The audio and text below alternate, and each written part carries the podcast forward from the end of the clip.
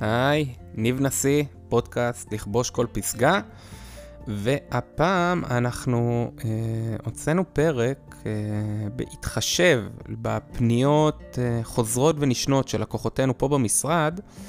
אה, אנחנו נתקלים בסוגיות כמו כמה קשה למצוא עובדים טובים, ובכלל בתקופה האחרונה אנחנו שומעים כמה קשה למצוא עובדים, נקודה. לכן, אנחנו נעשה קצת סדר, אה, מה לבדוק ולבחון לפני שמקבלים אה, עובד לעבודה, נדבר על מהם הסיבות שבגללם עובדים עוזבים מקומות עבודה טובים, אה, ולבסוף נסיים בכמה טיפים להנהגת עובדים במקום העסק. אז אנחנו נתחיל קודם כל בארבע סיבות שעובדים עוזבים מקומות עבודה טובים, אוקיי? למה חשוב לנו להבין את זה? כי כאשר עובד מגיע אלינו כי הוא לא מרוצה, זה יישב על אחד מארבעת הסעיפים הללו.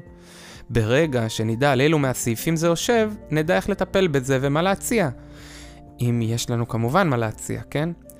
לעתים כמובן זה יושב על כמה מתוך הסעיפים הללו, ואז הפתרון שאנחנו נוכל להציע לעובד יהיו הרבה יותר מאתגרים, אוקיי? אז הסיבה הראשונה, עכשיו, שימו לב, הסדר הוא, הוא, הסדר של הדברים הוא אקראי, זאת אומרת, אין פה מבחינת אה, אה, עדיפות או, או דברים כאלה, אלא אנחנו פשוט מקריאים את זה לפי הסדר. אה, אז הדבר הראשון זה התאמה לתפקיד. כלומר, הסיבה הראשונה שבגללה עובד יעזוב חברה, גם אם החברה היא טובה, זה התאמה לתפקיד, כלומר, אה, מתייחס יותר לממד הפיזי, כן? אה, סביבת העבודה מהבחינה החומרית, עבודה בשמש, עבודה משרדית, נסיעות. אה, ואם משרדי, הציוד ראוי, נעים, נוח להגיע למשרד. אה, המקום תקוע באזור בלי חנייה ועם פקקים רציניים, קרוב לרכבת. אה, ובכלל, אופי העבודה הזה, אתם, יודעים, נניח לא מתאים לי. אם אני מחפש עובד לעבודה משרדית והעבודה היא בחוץ כל היום, אז לא משנה כמה העובד הוא טוב וכמה המקום עבודה שלי מפנק, סביר להניח שהוא אה, ילך משם, כן? ואותו דבר הפוך, מי שלא יכול לשבת דקה במשרד וה... אה, ומחפש עבודה פיזית, אה, איך אומרים? לא ישרוד יותר מדי זמן. עכשיו, מי כמוכם יודעים שלעיתים הכל יכול להיות טוב, אבל ברגע שאתם לא רוצים לעשות את מה שאתם עושים, אין לזה תחליף וזו עילה מספיק טובה לעזיבה. בדרך כלל, גם אחרי שעוזבים מקומות כאלה, יש איזה סוג של הקלה, כן? אז אנחנו מבינים, אם לעובד שלנו התפקיד עצמו לא מתאים לו, אנחנו יכולים לבדוק איזה תפקיד כן יכול להתאים לאופי שלו. אוקיי? זה די פשוט. אה, די מובן גם. הסיבה השנייה זה, אנחנו קוראים לזה בוס אה, בעייתי, ב- בלשון עדינה, כן? אז זה אחד הדברים שבאמת אנשים יכולים לבוא ולהגיד לנו, תשמע, לא אכפת לי מה תיתן לי לעשות, אבל כל עוד הבוס שלי מקשיב לי, מעריך אותי, מפרגן, תומך, אני אתן לו את הלב שלי. אתם מכירים את האנשים האלה? ולהפך, כן? בוס שיחסי אנוש שלו גרועים, זה איך נפוליאון אומר, זה כמו צבא אריות שמונהג בידי עכברים. אז uh, כאן זה קצת יותר מאתגר. עכשיו תראו, יכול להיות לכם שיש לכם מנהל תחתיכם, כן? ב- בעסק שלכם, uh, שאם קיבלתם הרבה תלונות מצד העובדים עליו, זאת אומרת מהעובדים שעובדים תחתיו, כנראה שיש פה איזה בעיה שצריך לבדוק אותה, כן? להבדיל, להבין גם על, על מה התלונות האלה יושבים. אמ, שזה באמת יש להם איזה בשר או לא איזה התאגדות בכיינית כדי להפיל אותו. אה, ויכול להיות מצב שסתם, איזה לקוח, אתם יודעים, לא תמיד אנחנו מסתדרים עם כולם, יש כאלה שנסתדר איתם פחות. אוקיי? אז זו באמת אחת הסיבות שאם באמת יש בוס בעייתי, אנחנו נדבר על זה גם, כן? מי שאתם, אתם עצמכם בוסים על העובדים שלכם, אנחנו ניתן כל מיני טיפים אה, איך, אה, שהסיבה הזאת לא תהיה ברשימה של העובד, אוקיי?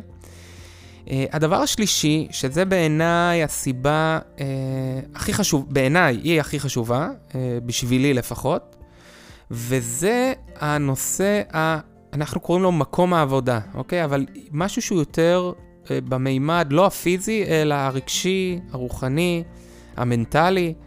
למה הכוונה? אני מדבר על הסביבת עבודה שלך, כן? על האנשים שעובדים איתך, על האפשרויות קידום, על העניין, על האתגר, הסיפוק שיש לי מהעבודה הזאת. בעיניי, אמרתי לכם, זו הסיבה הכי קריטית. אז, אז כמו שאמרנו, הסעיף הזה הוא מתייחס לכל מה שרוחני, רגשי ומנטלי במקום העבודה, ולא פיזי.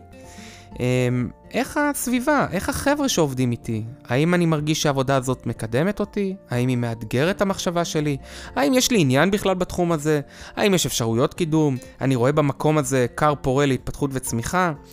Uh, עבור רבים מהעובדים שרוצים להשיג משהו בחייהם, זה, אני חושב, הנקודה החשובה ביותר. אוקיי?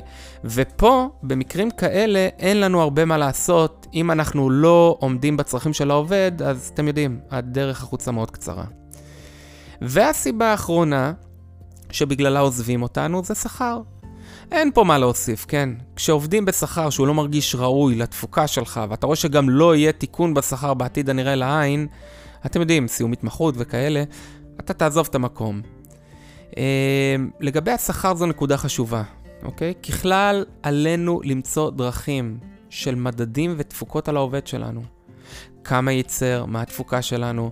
עכשיו, חשוב שתדעו, אל תגידו לי במקצוע שלנו אי אפשר למדוד את התפוקה של העובד שלי, זה קשקוש. אפילו אם זה נותן שירות. על כל עובד חשוב לוודא ולבחון את המדדים והתפוקות שלו. עובד דו, טוב זה עובד שהתפוקה שלו גבוהה ביחס לשעות העבודה שלו. עובד שאנחנו רואים שיש עלייה מתמדת, אוקיי? עובד כזה שווה לבחון את נושא ההלהה אם הוא באמת רוצה, כדי שיהיה מרוצה. אין לנו בעיה הרי לשלם לעובד גם 100 שקל לשעה אם הוא מייצר לנו 1,000 לשעה, כן? עכשיו, כשיש מעקב ברור, קל לנו לדעת ולתמחר את זה. תראו, הרי לא הקמנו את העסק uh, לשם שמיים, אלא באמת באנו בשביל להתפרנס. לכן, אם אנחנו יודעים שהעובד שלנו בהחלט מייצר לנו ערך ששווה הרבה כסף, אין בעיה לתת לו העלאה. אין בעיה שהוא יאחר, ואין בעיה שייקח גם יום חופש על חשבוננו אם הוא צריך בזה. כל עוד המגמה של התפוקה שלו היא בעלייה, אוקיי? נניח, אני אתן לכם דוגמה. אה, אה, אצלנו בתחום שלנו, המנהלת חשבונות, אנחנו יודעים כמה שעות אמור לקחת תיק אה, שאנחנו עושים אותו. אנחנו יודעים כמה אנחנו מקבלים מכל תיק שאנחנו לוקחים אלינו. ולכן, אם אני רואה שהיא תוך זמן שהוא סביר מתקתקת את התיק הזה, ואני רואה שנשאר לנו פה רווח, ואני רואה שהיא באמת טובה ומגדילה ראש ויסודית ומוצאת, היא תישאר איתי. אני אדאג שהיא תישאר איתי, אוקיי? אז תראו, אלה הם ארבעת הסיבות ללמה עובדים עוזבים. עכשיו, יש משפט בים שהוא רלוונטי בעצם לכל דבר בחיים שלנו, שאומר, סקיפר טוב יודע לצאת ממצבים שסקיפר מצוין לא היה נכנס אליהם. למה אני מתכוון? כדי למנוע מצב שהעובדים הטובים שלנו יעזבו אותנו בגלל אחת מארבע הסיבות הללו, אפשר וצריך לבחון ולאבחן את זה כבר עוד בשלב הראיון, אוקיי? אז כמה דגשים שאנחנו מראיינים עובדים, אה, נתחיל עם עקרונות כלליים ביותר. הדבר הראשון אה, זה זמנים, חבר'ה. קבעתם עם אה, עובד שבא לראיון עבודה בשעה מסוימת, תעמדו בזמן הזה. אוקיי? תחשבו על עצמכם כמה זה מייגע, גם ככה אתה מגיע לרעיון עבודה, זה לא הדבר הכי טבעי, כן? ואז אתה גם מושיב אותו בחוץ להתייבש. לא, לא, לא. תעמדו בשעה שלכם, אוקיי? דבר שני, כל מה שקשור בדעות קדומות, כן? אתיופי, רוסי, צ'רקסי, לא יודע מה, תעיפו, תמחקו. תמחקו מהסיסטם. אתם רואים איזה שם שנראה לכם uh, משהו, לא יודע מה, תתעלמו. תמשיכו, אל תשפטו. איך אומרים, איך אה, אה, אה, בספר כוחו של הרגע הזה, עקר טול אמר, אל תיתנו למוח החושב אה, אה, לנהל אתכם רגע, צאו מהתודעה החוצה, תוציאו, תסתכלו על הדברים בלי ישר שהמוח יבוא ויקטלג את זה. אה, דבר נוסף, ההתחלה, לשבור את הקרח, להקליל, להציע לשתות, משהו, אתם יודעים. אז אוקיי, אז במהלך הרעיון, הרעיון לא צריך להיות יותר מדי ארוך, כן? רעיון עבודה לא צריך לקחת חצי שעה. אז אנחנו מתחילים, קודם כל, את, אתם תדברו. אתם המעסיקים תדברו, איך אומרים? שברו את הקרח, תנו לו רגע לנשום, או לה לנשום, ותספרו על החברה שלכם. על התפקיד, מה צריך, מה האופי, מה אתם מחפשים, אוקיי? קודם כל, שיהיה לנו פה כבר שיבין האם העבודה היא משרדית, האם דורשת נסיעות, האם זה שעות מאומצות, האם הוא הולך לשבת במשרד עם חלון, מזגן ואוטו, או שבכלל הוא הולך לשבת פה במסדרון כמו אה, במשרדים הגדולים, אוקיי? ולאחר שנתנו והסברנו על התפקיד ומה צריך, אנחנו רוצים לתת למרואיין לדבר קצת על עצמו, לספר, הם בדרך כלל גם באים מוכנים לזה, אה, ובזמן הזה שהוא מדבר בעצם אה, להקשיב, לבחון שפת גוף, לבחון כמה אותנטי מה שהוא מספר לנו, אה, לא להתרגש מזה שהוא קצת בלחץ, לקחת את זה בחשבון, זה חלק מהמשחק. לשאול שאלה כמו, מה מושך אותך בתפקיד, כן? אנחנו שואלים את זה רק כדי לראות את מידת המוטיבציה של העובד. האם זה מעניין אותו, אוקיי? בגלל זה חשוב לקרוא בין השורות במהלך הרעיון, כי הרבה פעמים אתם תמצאו סתירה בין מה שהוא אומר לבין מה שהוא רוצה או מתכוון. אתם יודעים, חוזרים לאותנטיות. אז לאחר שדיברנו קצת, נתנו לו להיפתח, חשוב להבהיר ולהסביר מה העבודה הזאת כוללת, כן? מה הדרישות, אנחנו רוצים להבין את הדברים האלה. אה, כאן זה הזמן להבין מה הציפיות שכר שלו, לראות אם הוא מעוניין קודם כל ב, ב, בתפקיד, שזה מעניין אותו, לעשות איתו את הציפיות שכר, כמו שאמרנו. אמ, ואנחנו רואים שעד כה הדברים הם בסדר. אפרופו שכר, תמיד גם לשאול, דרך אגב, כמה אתה אה, צריך, לא כמה אתה רוצה, כמה אתה צריך, כי אז זה מביא אותנו לקו המינימלי, שאנחנו יודעים מה המינימום שאנחנו יכולים להעסיק אותו. כי כמה אתה רוצה, אני רוצה מיליון שקל. אוקיי? כמה אתה צריך. אה, דבר נוסף, לעבור על הקורות חיים, להבין מה התוכניות התעסוקי, התעסוקתיות שלו, כן? אה, למשל, אתם יודעים, זה אדם שאנחנו רואים גם בקורות חיים שלו, שהוא כל חודשיים מחליף עבודה, וגם פה הוא יושב ואומר לי, תשמע, אני רק רוצה לבדוק ואני רוצה לבחון, ואנחנו יודעים שזה בן אדם ש... לא יישאר איתנו הרבה זמן, ואפשר כבר ורצוי לא להכניס אותו. אמ, דבר נוסף שאני מאוד אוהב לעשות, זה איך אני בודק אם העובד הוא ראש גדול. אמ, אני זורק שאלה כללית, לבדוק את התשובה. למשל, איך את עושה פקודת יומן של אה, הוצאה?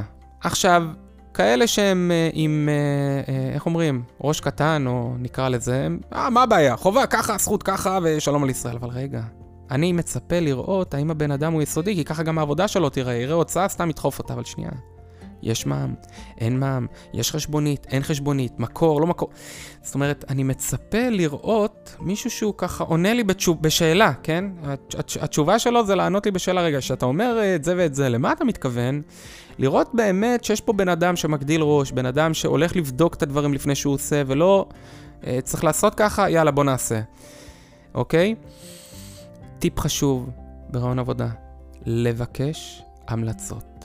עכשיו, אני לא יודע, בא לכם להתקשר, לא בא לכם להתקשר, תעשו מה שבא לכם, זה שלכם. אבל אני רוצה שתבקשו המלצות רק מהסיבה אחת, לראות את התגובה. אני רוצה בתגובה לבדוק האם הבן אדם הוא אה, באמת יש לו המלצות לתת, כן, מה הבעיה? קח, הנה, קח טלפון, תדבר, זה מעיד משהו. זה מעיד שבאמת יש פה עובד טוב, אבל אם אני רואה מישהו שמגמגם לי וישמע, אני יודע שתי דברים, או שהוא חסר ניסיון בעליל, וזה אפשר לראות בקורות חיים, או שהוא עובד שאני לא רוצה אצלי בחברה, אוקיי? לאחר שתבצעו את הדברים האלו, כן, את הנקודות האלה שנתנו בארון עבודה, אתם תראו כמה עוגמת נפש, אי הבנות ועזיבה של אה, עובדים, גם טובים, גם אה, אה, אה, מקומות עבודה טובים, זה לא יקרה. אנחנו צריכים לעשות כמה שיותר לסנן, כי אתם יודעים כמה קשה זה להכשיר עובד, אה, לטפל בו, להקשיב וכולי וכולי, ובסוף הלך מאיתנו, אוקיי?